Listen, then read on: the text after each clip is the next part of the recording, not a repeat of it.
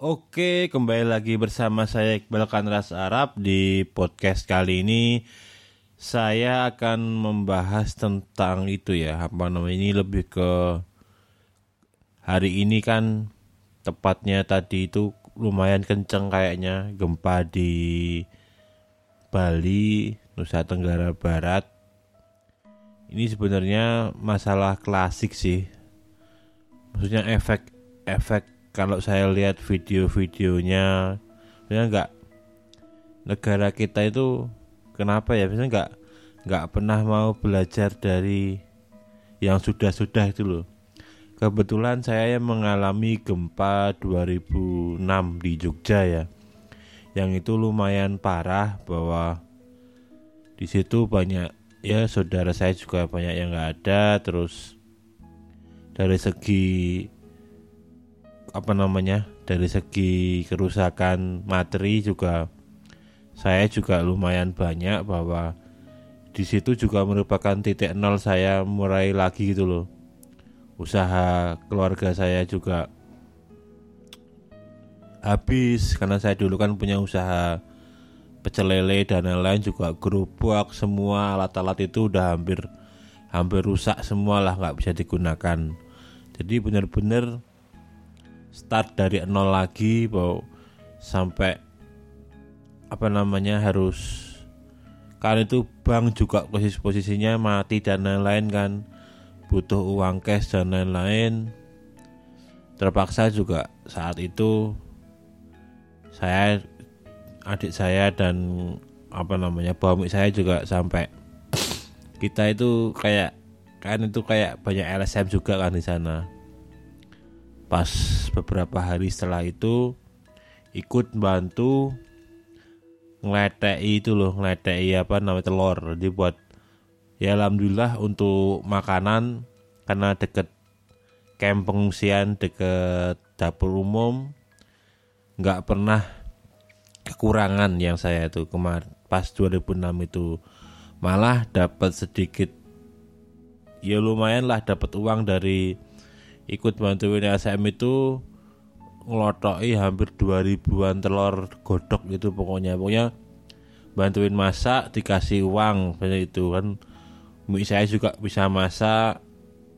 Di sebagian warga yang bisa masak diajak buat bantuin. Seperti itu. Nah dari situ juga lumayan lah sebulan lebih dapat penghasilan yang bisa diputar buat beli bahan baku terus selang beberapa bulan bisa start jualan lagi. Nah saya nggak mau bahas tentang itu. Poinnya sih cuman kalau saya sih gini loh. Lihat video video-video gempa itu kan kayak nggak nggak ada pembelajaran. Bahkan nggak cuman gempa sih gunung meletus dan lain-lain bahwa kenapa yang udah kejadian gede Jogja itu 2000 2006 itu bahkan tsunami Aceh itu tidak ada kurikulum khusus dari mungkin sampai dari tingkat playgroup bahkan SD lah. SD SMA SMP yang setiap minimal satu semester atau paling enggak seminggu sekali itu ada pembelajaran tentang bencana alam. Entah itu kebakaran entah itu apa entah itu apa. Dan itu hampir hampir nggak pernah nggak ada gitu loh.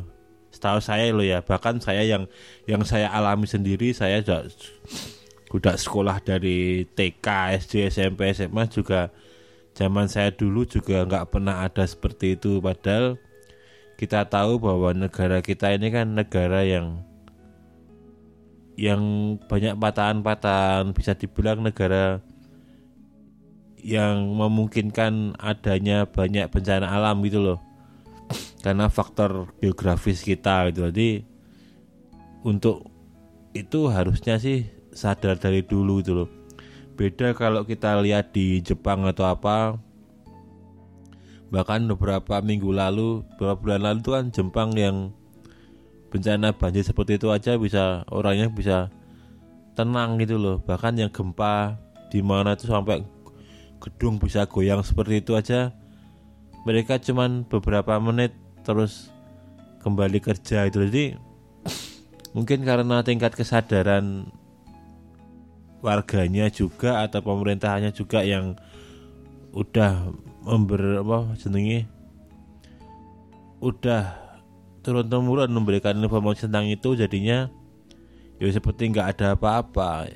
Yang parah di Indonesia itu kan gini loh jadi kayak kejadian itu kadang kalau kita belum mengalami padahal itu memungkinkan ada itu kita nggak mau belajar itu. Jadi kayak kasus mungkin seperti Sinabung atau apa ya yang yang gunung itu itu kok Sina, Sinabung apa Gunung Agung ya? Yang gunung meletus itu memang baru terjadi berapa puluh tahun ini atau berapa ratus tahun sekali ini. Jadi mungkin memang karena ada jeda jarak satu generasi atau apa jadi informasi tentang itu nggak disampaikan ke generasi berikutnya sehingga generasi yang penerusnya itu nggak punya gambaran gitu jadi ini juga sebenarnya penting sih kalau nanti teman-teman juga karena saya juga belum berkeluarga mungkin juga menjelaskan tentang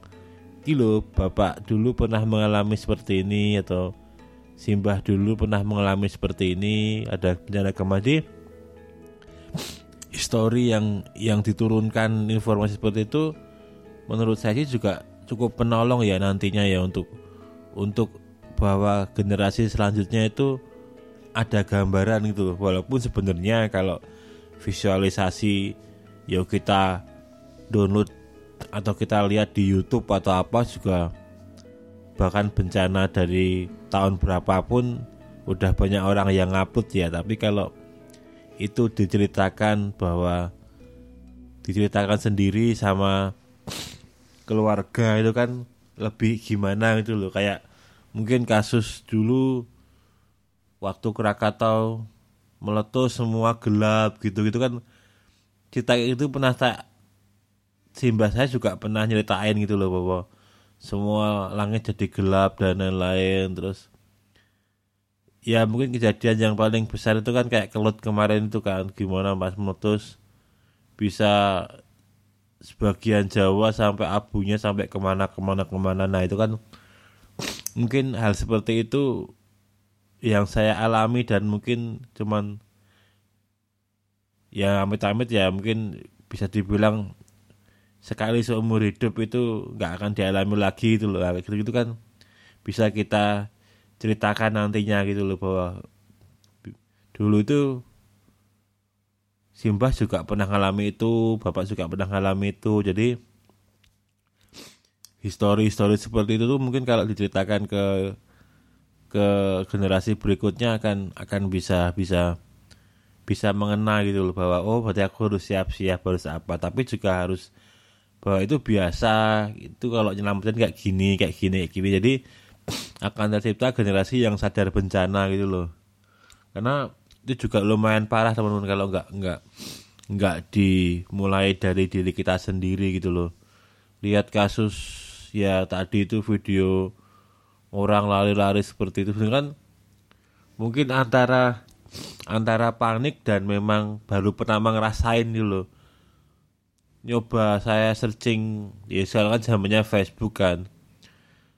Di Facebook orangnya status kayak gitu tuh udah baru pertama dalam hidup mengalami seperti ini. Berarti kan memang mereka orang-orang yang yang baru mengalami hal itu sekali gitu loh. Padahal aslinya mungkin di tempat lain ya sebenarnya kalau belajar dari oh di Jogja aja udah ada hal itu. Jadi kan harusnya kan paling enggak ada gambaran gitu loh. Karena kan yang maksudnya baru sekali dialami kan karena di daerah itu gitu tapi untuk satu wilayah negara ya sebenarnya di Jogja juga pernah ada gempa besar di mana juga ada gempa besar. Jadinya harusnya kan bisa belajar dari situ gitu loh. Tapi memang kalau belum merasain sendiri memang belum ada itunya sih. Tapi dengan kita sadar akan oh kalau gempa seperti ini kalau bisa malah ada simulasi gempa atau apa jadi orang bisa walaupun belum pernah merasakan secara langsung tapi dengan simulasi kan orang bisa seolah-olah terbayang bahwa nanti kalau gempa itu seperti ini. Nah dengan hal seperti itu juga mungkin cukup membantu sih. Ya moga aja ini podcast saya ini dengerin sama dinas-dinas terkait atau mungkin teman-teman yang punya niat untuk untuk melakukan itu kalau punya daerah atau kita punya negara yang memang sadar bencana itu saya kira lebih meminimalisir korban juga gitu loh Oke, kurang lebih seperti itu teman-teman podcast saya kali ini. Semoga bisa bermanfaat. Saya kita sharing aja. Sampai ketemu di podcast saya selanjutnya. Selamat pagi, salam olahraga.